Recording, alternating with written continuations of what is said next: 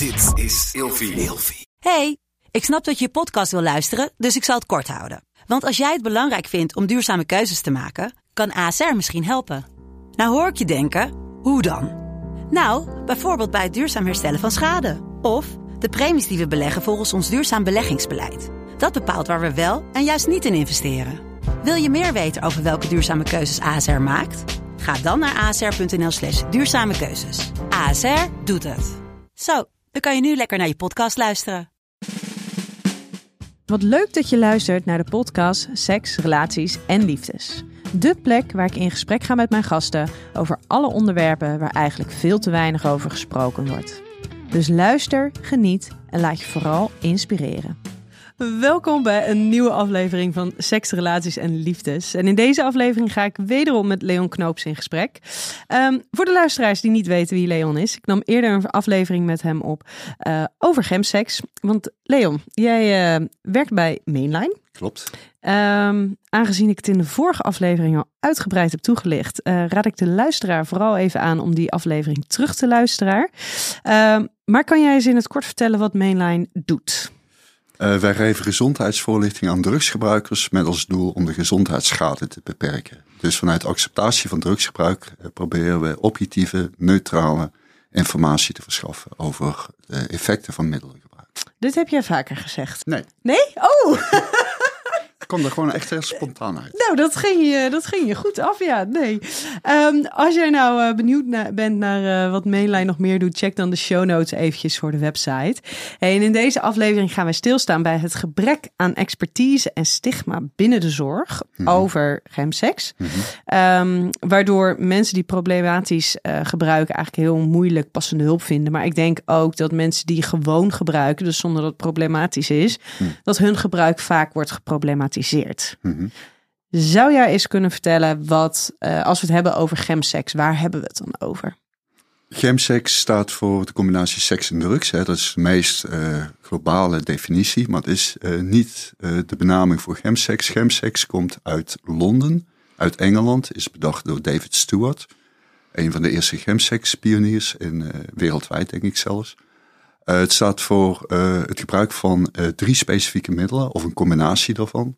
En dan gaat het over crystal meth, GHB, GBL en methadone, miauw miauw. de reden is, en trouwens dat gebruik vindt dan plaats in een seksuele setting, met name onder homo- en bimannen. Uh, die definitie is door ons in combinatie, in samenwerking met SOA AIDS Nederland, is die verruimd. Want wij zien hier ook allerlei andere middelen die worden gebruikt in combinatie met seks en die uh, problematisch zouden kunnen zijn. En dat is bijvoorbeeld coke, ketamine en andere nieuwe psychoactieve stoffen, waaronder 3-MMC. Dat is de laatste jaren heel populair in Nederland.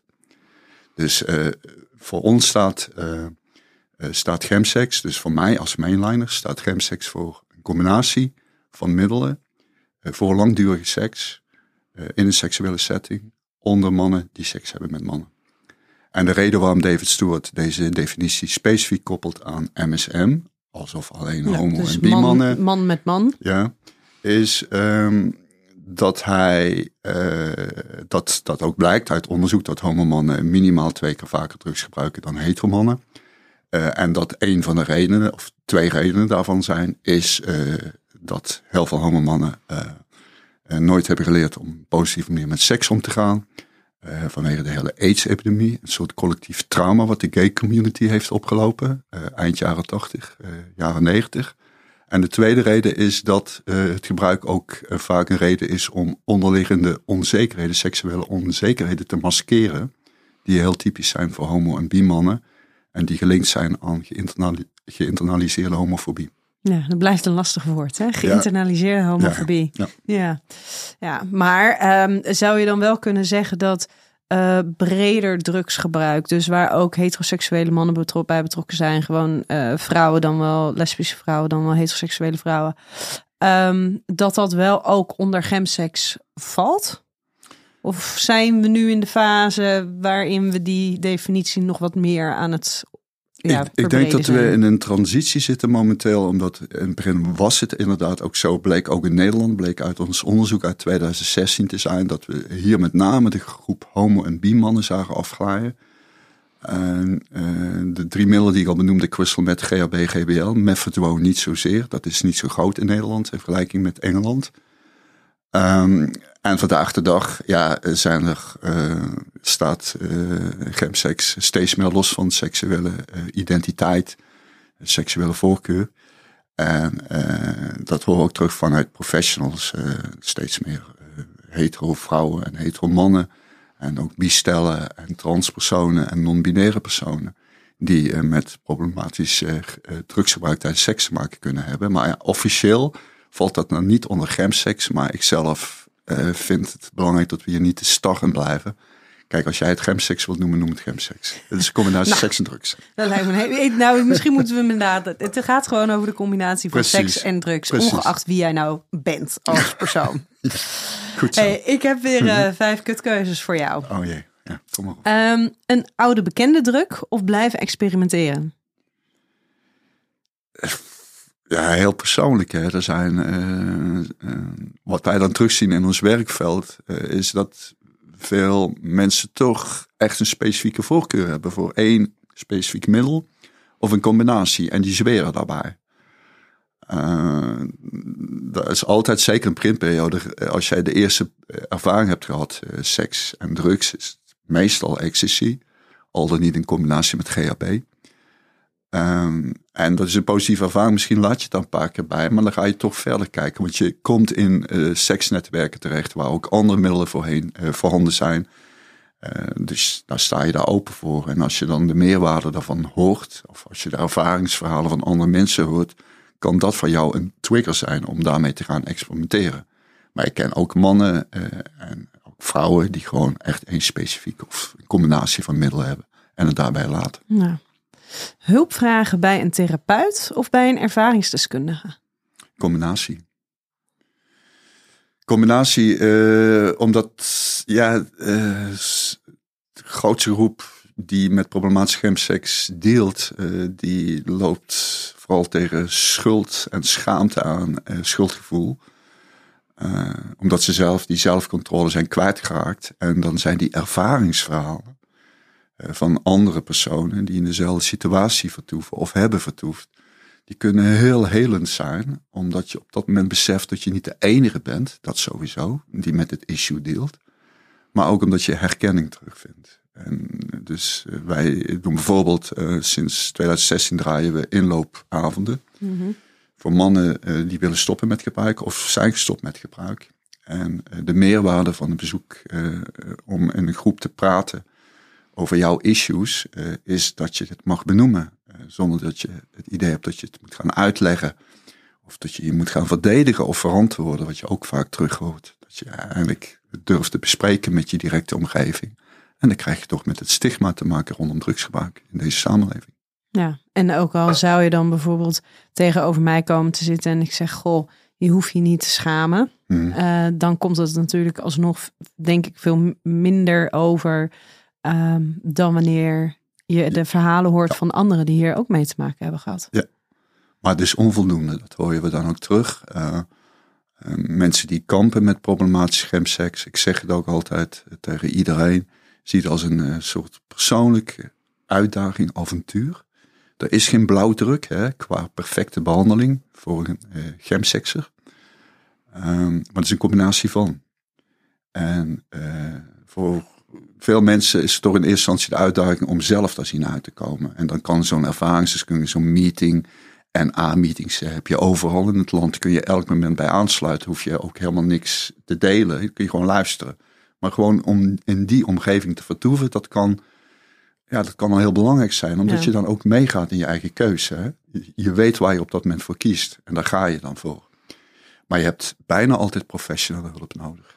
Ja, dus het, het helende stukje vanuit de ervaringsverhalen en dan vervolgens het groeistukje vanuit het therapeutische stukje misschien. Ja, juist.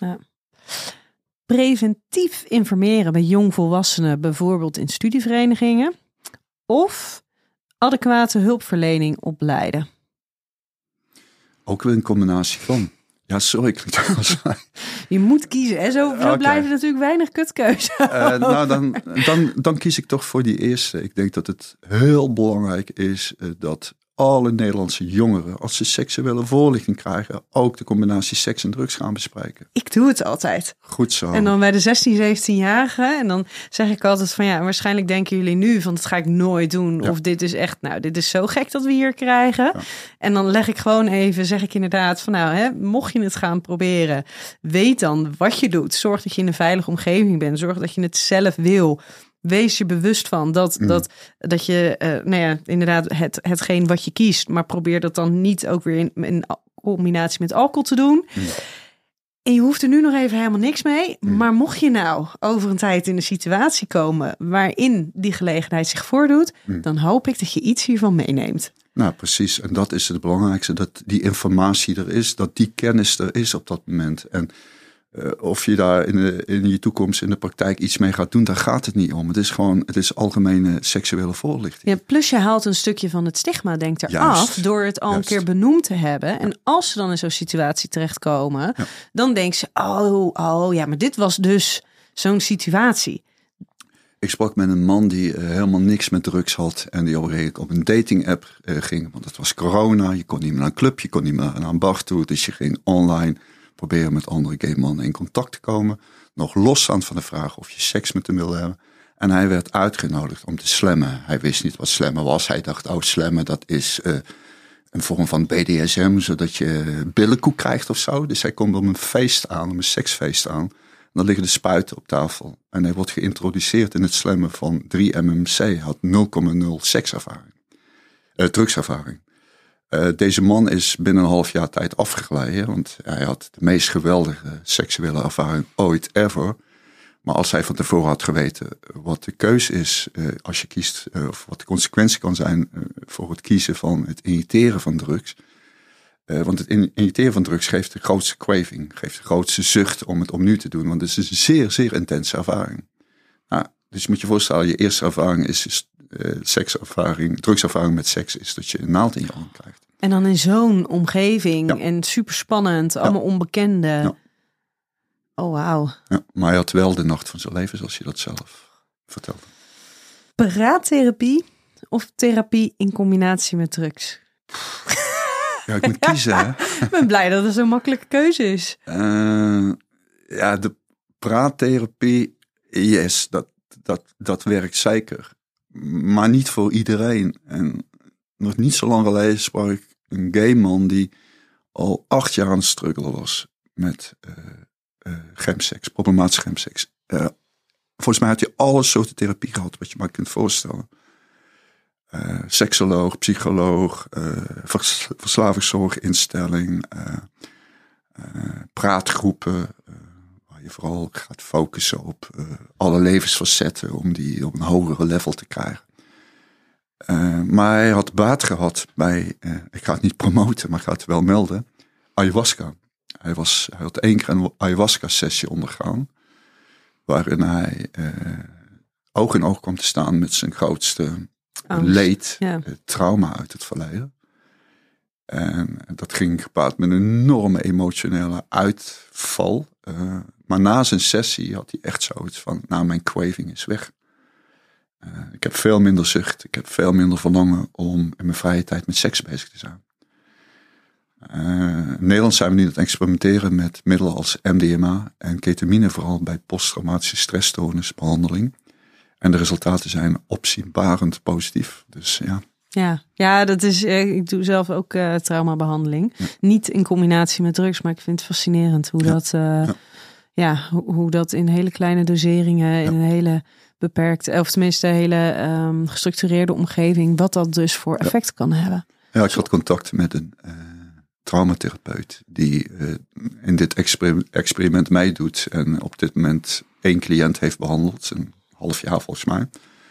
Maar hij vertelde ook dat het een geweldige ervaring was. Dat hij echt uh, grote ogen open zitten kijken wat er allemaal loskwam. Wat niet was gebeurd als er geen MDMA als medicatie was toegediend. Ja, ik had begrepen dat ze vooral bij militairen, dat ze daarmee waren begonnen. Ja, Uh, dat ja, in de States vooral. Ja. Uh, militairen die, uh, en die terugkwamen en die ook heel vaak al hoekt waren. Want wat heel veel mensen niet weten is dat crystal meth is helemaal geen nieuwe druk. Die is al 1897 ontdekt in de Japanse lab. En die is jarenlang tijdens de Tweede Wereldoorlog, tijdens de Vietnamoorlog, is die aan soldaten aan beide kanten van het front uitgedeeld. Omdat ja, crystal meth uithoudingsvermogen neemt enorm toe. Uh, je honger en slaapbehoefte wordt onderdrukt. En je empathisch vermogen valt weg. Dus een ideale drugs om uh, mee te strijden. Om letterlijk de oorlog mee te winnen. Ja. Goh, dat is wel bizar hè, ja. eigenlijk. Ja. Of Wilhelmina, die uh, was gevlucht naar Londen, maar die zat ook kook te roken regelmatig. Daar, daar, ga ik geen bevestigende uitspraak wel nee, doen, maar... Knip dit er maar uit. Nee hoor. Ik heb uh, vijf stellingen voor jou. Ja. En die zijn dus eigenlijk allemaal gericht op um, de kennis, de expertise en uh, de behandeling uh, rondom drugsgebruik en seks in Mm. Nederland. Mm. Seksuologische hulpverleners zouden standaard moeten vragen naar middelengebruik. Absoluut.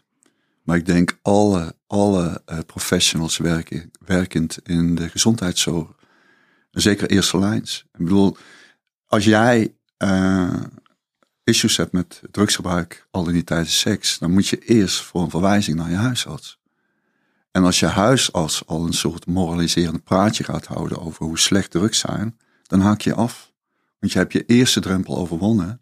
Dus voor seksologen geldt dat zeker, omdat het gebruik in combinatie met seks plaatsvindt. En wat we ook altijd terug horen en wat ook blijkt uit wetenschappelijk onderzoek, is dat, er, uh, dat die link uh, in je hersenen in feite onlosmakelijk met elkaar is verbonden. Dus wil jij stoppen met gemseks, dan moet je ook je seksleven waarschijnlijk tijdelijk op een hol zetten. En in ieder geval op een andere manier weer seksualiteit gaan leren ontdekken.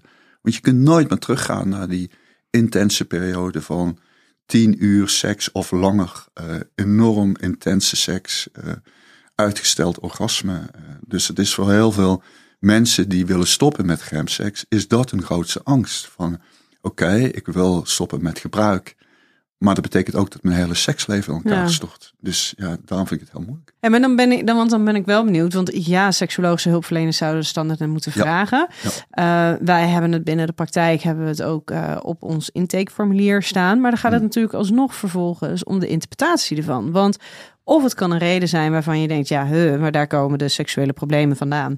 Um, dus of ik kan er niks mee beginnen, of ik ga je pas behandelen als je volledig vrij bent van, van het middelengebruik. Mm. Of je kan inderdaad zien van hey, en vanuit een bepaalde nieuwsgierigheid en zonder dus dat oordeel. Mm. Um, van oké, okay, maar, maar in welke context is dat dan? En wat brengt het jou? En dat je dus inderdaad er gewoon rekening mee gaat houden dat dat stukje drugsgebruik onderdeel is van.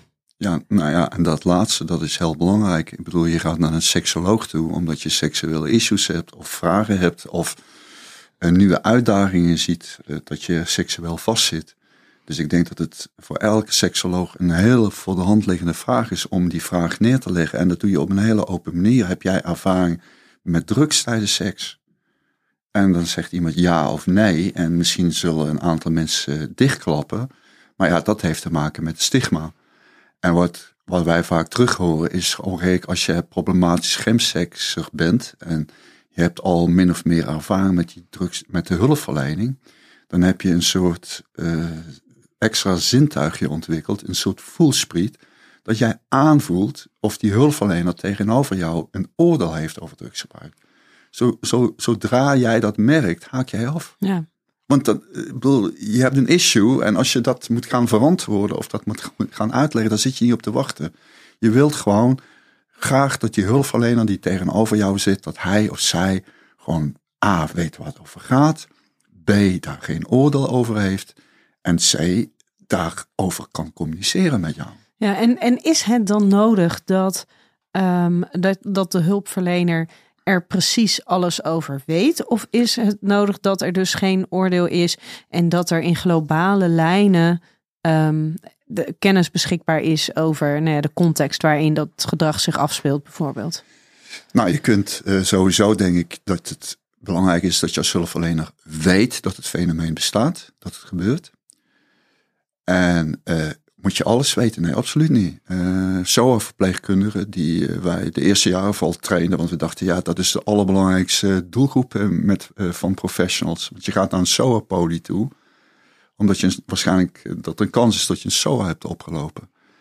En dan is het heel logisch om daar een tweede vraag neer te leggen. Gebruik je ook wel eens een relatie met drugs? En dan zei je veel professionals, ja, ik vind het onhandig, ik weet het niet allemaal. Ja, wees lekker nieuwsgierig. Ja, vraag Stel, maar. Vraag daarna. Ja. In plaats van zelf te interpreteren van uh, wat is bootybumpen? Is dat een nieuwe, een nieuwe rage, een fitnessrage? Die, die zou ik ook moeten vragen. ja. Maar dan ben ik benieuwd naar de volgende. Um, drugsgebruik bij een cliënt kleurt het beeld van de therapeut, mm. tenzij ze zelf bekend zijn met het gebruik ervan. Ik denk als zij zelf bekend zijn met het gebruik ervan, dat dat meerwaarde kan hebben, maar niet altijd. Hè? Het is belangrijkste, nogmaals, dat die professional weet uh, wat, wat het fenomeen inhoudt, welke drugs toch relatief eerder, sneller issues kunnen geven dan andere middelen. Dat, dat, is, dat is gewoon een feit. Er zijn bepaalde middelen eh, de kans dat je daar afhankelijk van wordt is gewoon heel klein. Vooral psychedelische middelen als LSD, maar ook MDMA en ecstasy. Nou, dat hoor je zelden, dat mensen echt, af, echt afhankelijk zijn van dit middel. Bij GHB, GBL, met een lichamelijke afhankelijkheid, is natuurlijk een heel ander verhaal. Ketamine heeft ook veel meer een soort geestelijke afhankelijkheid. En zeker crystal meth. En ook nieuwe psychoactieve stoffen als 3-MMC en methadone. Dat is gewoon een ander middel. Dus, dus dan hoef jij als expert daar helemaal, of hoef jij als professional helemaal geen ervaring daarmee te hebben. Maar je, het voordeel is dat je op dat moment, en dat voel jij aan als cliënt, zal ik maar zeggen, voel jij dat aan, oké, hij of zij heeft geen oordeel, ik voel me veilig, dus ik durf nu mijn verhaal te delen. Ja. Want heel vaak is het pas de eerste persoon waar ze een verhaal mee delen. Ja, en dan vind ik dat het, eh, ben ik heel nieuwsgierig, zou het dan helpend zijn? Is dan het niet hebben van een oordeel en nieuwsgierig zijn. Um, en daarmee het creëren van een veilige omgeving. Is dat voldoende? Is dat inderdaad waar die ja. voelspriet op aangaat? Of is het ook nog eens prettig als daar uh, een soort van erkenning wordt gegeven? Goh, um, ik heb er ook wel eens ervaring mee gehad. Of binnen, binnen mijn persoonlijke kring um, ben ik er ook wel mee in aanraking gekomen. Of heeft dat dan nog een toegevoegde waarde? Of kom je dan alweer te veel, te dicht? Nee, dat denk ik wel dat dat toegevoegde waarde heeft. Maar als professional, eh, zeker als je in de verslavingszorg werkt, is dat niet informatie wat je meteen met je cliënt gaat delen. Ik denk wel uh, dat, dat, dat, weet je waarschijnlijk ook, er zijn steeds meer professionals, ook seksologen, die zeggen van dat het heel belangrijk is om je eigen ervaringen ook te delen. Terwijl er een andere groep professionals is die zegt van nee, dat is echt not done. Weet je, je moet professionele afstand houden. Uh, ik merk in mijn eigen werk uh, dat uh, ik, ben, ik ben zelf gay man. Ik, ik ben opgegroeid in het AIDS-tijdperk. Ik ben opgegroeid in een periode dat er geen dating app cultuur was. Dus dan moest je naar een cruising area of naar een bar om een andere homoman tegen te komen. Um, ik, ik deel mijn persoonlijke ervaring, zeker. Ik herken het ook terug en dat heeft zeker, dat heeft zeker meerwaarde, want uh, zo iemand voelt zich meer begrepen. Ja, want dan kan het ontzettend relevant zijn om die stukjes van jezelf te delen. Ja. Meer expertise zou ervoor kunnen zorgen dat er minder mensen problematisch eh, drugsgebruik in combinatie met seks vertonen. 100% zeker.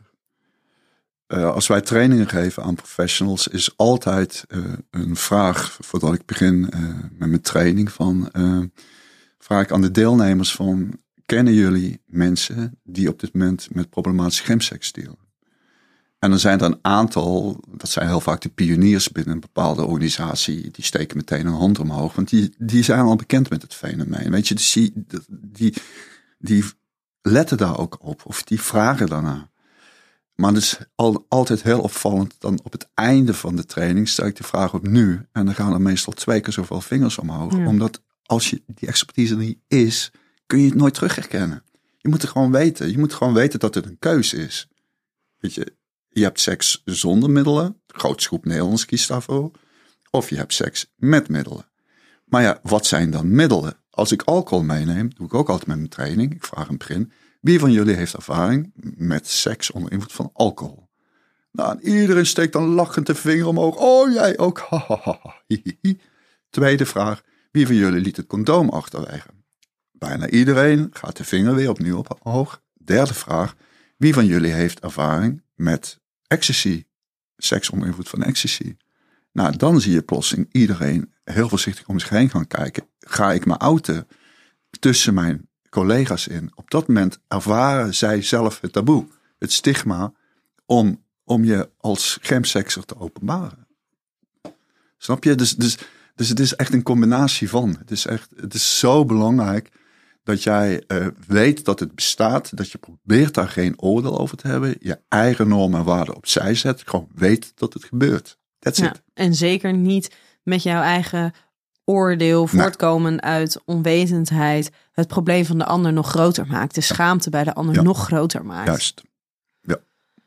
Waardoor men ook vaak afhaakt en dan, En verzandt in nog meer gebruik. ja, vaak. Ja. Er is vaker sprake van seksueel grensoverschrijdend gedrag bij drugsgebruik. Eh, nou, dat met eh, eh, de aandacht voor het thema in de media de laatste weken weet ik het helemaal niet meer. Nee, ik weet wel ja. dat ehm, eh, wat natuurlijk speelt is, kijk, je bent onder invloed van mensen. Het- eigenlijk is het een illegale activiteit. Hè? Je doet iets wat eigenlijk niet mag. Je bent samen drugs aan het gebruiken en je hebt seks. Eh, daar worden seksuele grenzen ook in overschreden. Dat blijkt ook uit ons onderzoek eh, vorig jaar naar eh, de opkomst van het injecteren van drugs tijdens seks. Slammen noemen ze dat. En er was ook één vraag, surveyvraag. Is 175 mensen ingevuld. Heb jij ervaring met seksueel ongewenst gedrag tijdens eh, 15 procent, dat is 1 op de 7. 1 op de 7, 8 mensen had er ervaring mee. En ook als wij, te- als wij onze meetings hebben, eh, merken we dat dat het meest beladen taboe is waar mensen over willen en kunnen en durven te praten. Omdat er heel vaak die warrigheid ook in je hoofd ontstaat van hé, hey, maar het was mijn eigen keus. Ik was onder invloed. Dus ja, dan is, kan dit de consequentie daarvan zijn. Ja, dat No is way. lastig hè? Maar no way. Weet je, het is nooit of jij nou onder invloed bent, ja of nee. Het is nooit, eh, nooit iemand mag deze keus maken voor iemand anders. Dus het is heel vaak ook, zijn het schijnende verhalen. Of de echt afstotende verhalen. Ja. Als je het, want toen straks vroeg je mij van, eh, is het wel hef, eh, is het niet voor jou ook af en toe heftig? Dit vind ik heftig.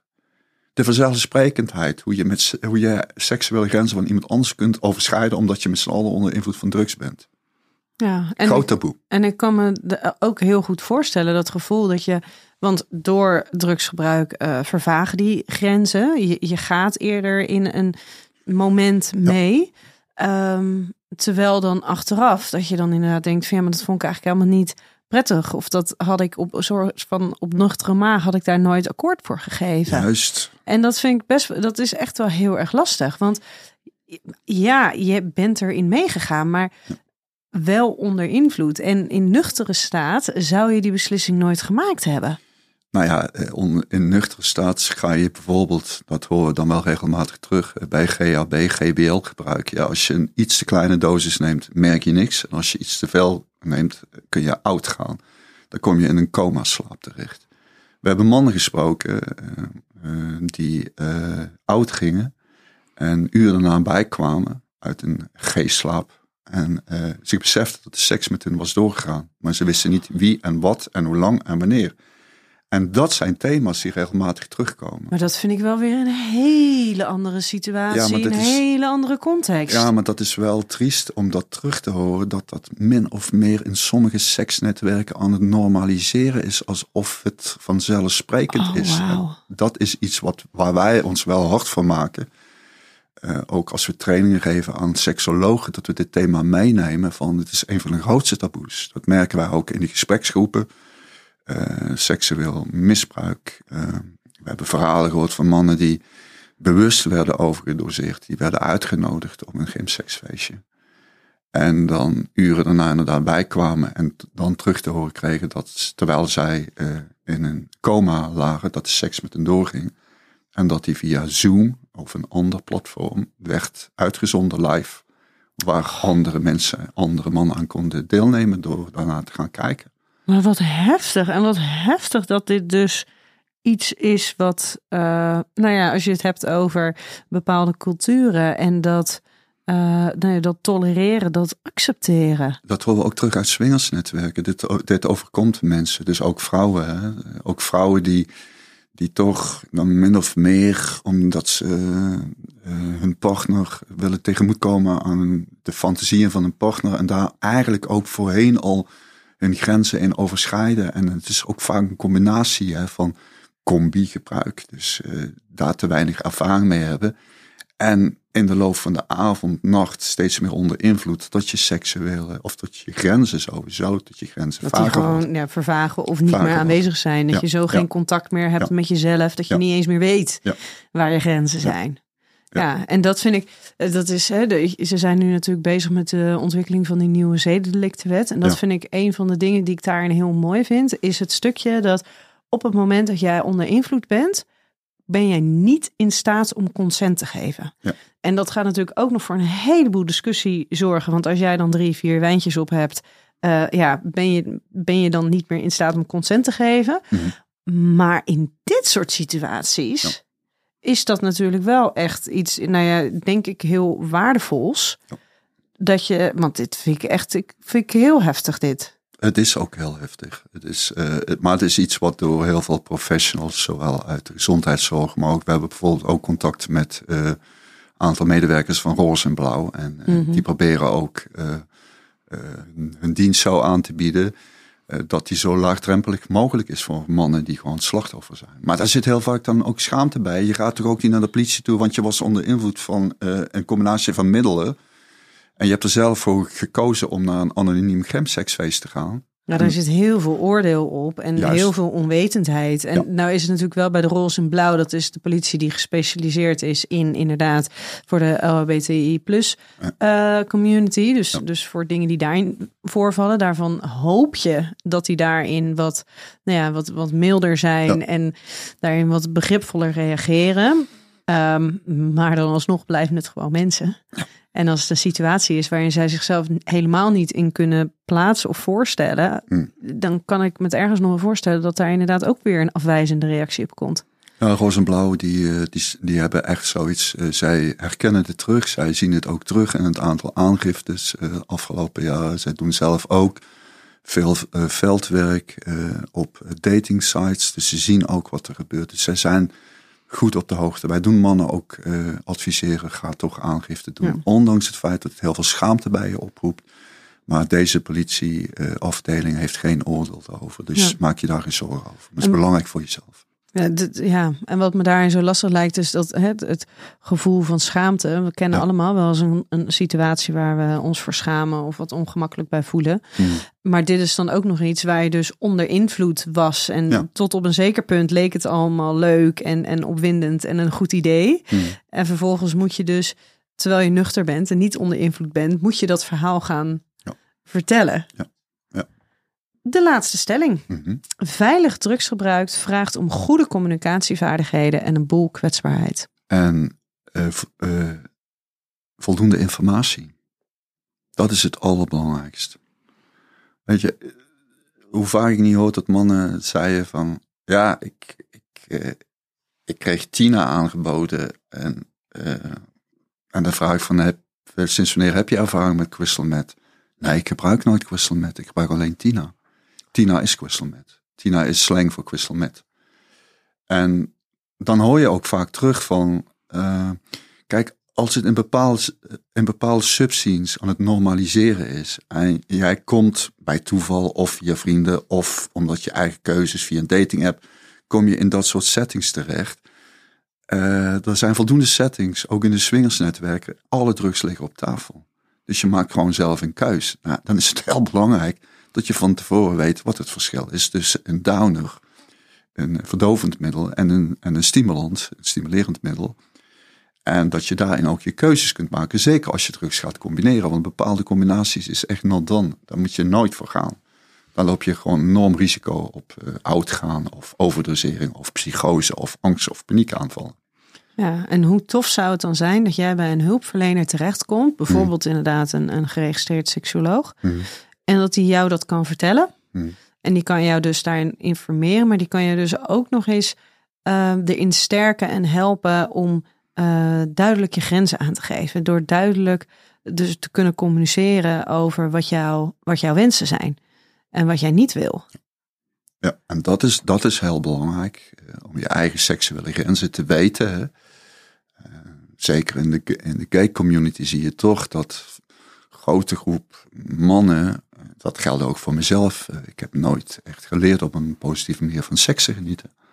Ik heb het zelf moeten ontdekken. En dat was in mijn eh, persoonlijk verhaal best wel heftig. Want ja, ik kwam uit de kast en het was net de periode dat AIDS kwam opzetten. Ehm, wat je ziet is gewoon dat mannen vaak ook niet onvoldoende weten van hey, of zich dat niet afvragen van hey, wat zijn mijn seksuele wensen? Ja, wat wil ik eigenlijk? Ja, heel vaak van eh, als je dan ook vraagt van eh, vond je het een fijne geile avond? Dat mannen dan zeggen van eh, ja, mijn sekspartners vonden het heel geil, dus het was super geil. Dus op de een of andere manier. En niet ehm, ik ja, vond ja, het ja, een... Juist, ja. Dus wederom het voldoen aan de maatstaven van de groep. van, de verwacht, van de groepsverwachtingen. Maar dat geldt voor heel veel mannen, denk ik, eh, losstaand van je seksuele identiteit. Dus kijk, eh, als man zijn, krijg je ook in deze samenleving mee dat je gewoon nooit over je emoties mag spreken. Dat je, dat je een man moet zijn op seksueel gebied, moet je gewoon continu seksueel kunnen presteren. Eh, het grootste taboe in de gay community is de zogenaamde vrouwelijke kant eh, van een, een persoon, van een individu. Kijk op dating apps, daar zie je, daar zie je begrippen staan als straight acting. I'm straight acting. Ik zou niet weten wat het inhoudt, maar dan, dat schijnt dan heel mannelijk te zijn. En ju- juist eh, om te gaan voor intense, langdurige seks is zogenaamd mannelijk in plaats van te gaan voor meer intimiteit. Want ja, dat is, dat is, dat is niet de norm in de gay community. Je moet langdurige seks hebben, vaak seks hebben, met meer sekspartners. Een soort seksuele vrijheid. Ja, en denk je dan dat naast meer kennis over hoe, ehm, hoe, hoe drugs en seks samenkomen, Hmm. überhaupt meer kennis over hoe seks bij homoseksuele mannen zich, zich uit en de, eigenlijk de groepsdruk die daarbij heerst? Ik denk dat je als hulpverlener moet je gewoon eh, je echt beseffen van, eh, oké, eh, ik ben als homoman heel blij dat ik in Nederland woon. Het is gewoon een heel vrij land. Ik heb voldoende reiservaring om te weten dat dit een van de beste plekken is om als gay man te kunnen wonen. Eh, ik weet anderzijds ook eh, dat ehm, het toch eigenlijk gaat om een soort tolerantie. Hè? In hoeverre tolereert de samenleving ons? En dat vind ik op zich al een heel dubieus woord. Want ja, ik heb me nog nooit afgevraagd of ik heteroseksuelen tolereer. Mhm. Eh, wat je terugziet is dat, eh, dat onderhuids eh, homofobie, weet je, homo is nog steeds het meest genoemde scheldwoord. Oh, In, in sportclubs, in voetbalstadions, ja, je, je hoort het, je ziet het. Homoseksualiteit staat ook nog steeds voor zwakte, vrouwelijkheid. Dus ja, ik denk dat het gewoon heel belangrijk is dat je als hulpverlener weet dat er nog steeds sprake is van homofobie in deze samenleving. Ook onder homoseksuele mannen zelf. Juist. Hey, en zou er nog een, ehm, een, een laatste advies zijn wat jij aan, eh, aan hulpverleners mee zou willen geven? Hoe zij beter in staat zouden zijn om, ehm, nou ja, om, om mensen die drugs gebruiken in combinatie met seks te hulp kunnen staan? om te beseffen dat je als hulpverlener, wat jouw expertise ook is, dat dat niet eh, eh, heilig is voor de behandeling, dat dat de oplossing is. Wat wij terugzien is eh, dat eh, de groep gemsexers die afglijdt, die, eh, die eigenlijk hebben die een soort holistische aanpak nodig. Eh, dat betekent dat de meeste beginnen bij een verslavingskliniek. Dat is ook heel vaak al heel moeilijk om daar professionals te vinden die weten wat gemseks is. En behandeling is ook heel vaak toegespitst op abstinent zijn. Maar ja, je kunt zes weken of twee maanden, als je, zolang je in behandeling bent, kun je abstinent zijn. Maar zo- zodra je weer thuis vertoeft, ga je toch weer verder met je seksleven. Nou, dat is nooit, daar zijn nooit tools voor aangereikt. Dus als professional denk ik dat het heel belangrijk is dat jij moet beseffen dat als jij uh, te maken krijgt met uh, mensen die uh, issues hebben rondom problematische gemseks, dat je gaat kijken ook met je cliënt, patiënt samen van wat nog bij hem of haar zou aansluiten om gewoon een meer holistisch aanbod. Want het zijn seksuele issues, ja, gay gerelateerde issues, vaak traumabehandeling uit het verleden. Ook heel vaak seksueel negatieve ervaringen, vraag maar als gemiddelde homoman, hoe was je eerste seksuele ervaring? Bijna altijd negatief. Vaak negatief in ieder geval. Um, seksueel uh, mentale issues die vaak meespelen. Een stukje zelfacceptatie. Zie je vooral onder de groep uh, biculturele LHBT-plussers, I-plussers. ja, mentale ja, issues. Ja, nou, een combinatie van. Ja, nou dan gaan wij daarmee afronden. Ik hoop dat het hulpverleners in ieder geval in beweging zet om zich er inderdaad meer in te verdiepen. Want ik denk dat er heel veel mensen zijn die, die er te weinig over weten, simpelweg omdat het niet bij hun eigen belevingswereld past. En toch als therapeut neem je dat, neem je, neem je dat ook vaak mee. Maar, misschien is dat wel een hele positief afsluiter. Er zijn gelukkig de laatste jaren hele goede nieuwe ontwikkelingen. Zoals in Rotterdam, Antis Verslavingszorg, gaat de eerste chemsexpolie opstarten. Waar ook mensen terecht kunnen die nog in gebruik zitten. Want die kunnen heel vaak niet stoppen omdat het zelfmedicatie is. En zij gaan uh, werken met een team van specialisten, experts, van traumabehandeling tot seksoloog. Alles, alles zit erbij. En ik denk dat dat de eerste goede stap is in de richting van... Uh, want het is voor mij echt een feit. Deze groep gaat alleen maar groter worden. Ja. De groep Nederlanders die eh, gaat dealen met problematische chemseks gaat toenemen komende Ja. Hey, dankjewel hiervoor. En mocht jij nou als luisteraar meer willen weten over het gebruik van drugs en het werk van Mainline, check dan vooral even hun website, want daar staan uh, hele interessante dingen op. Dankjewel, Leon. En Graag gedaan. Lieve luisteraar, tot volgende week bij een nieuwe aflevering van Seks, Relaties en Liefdes.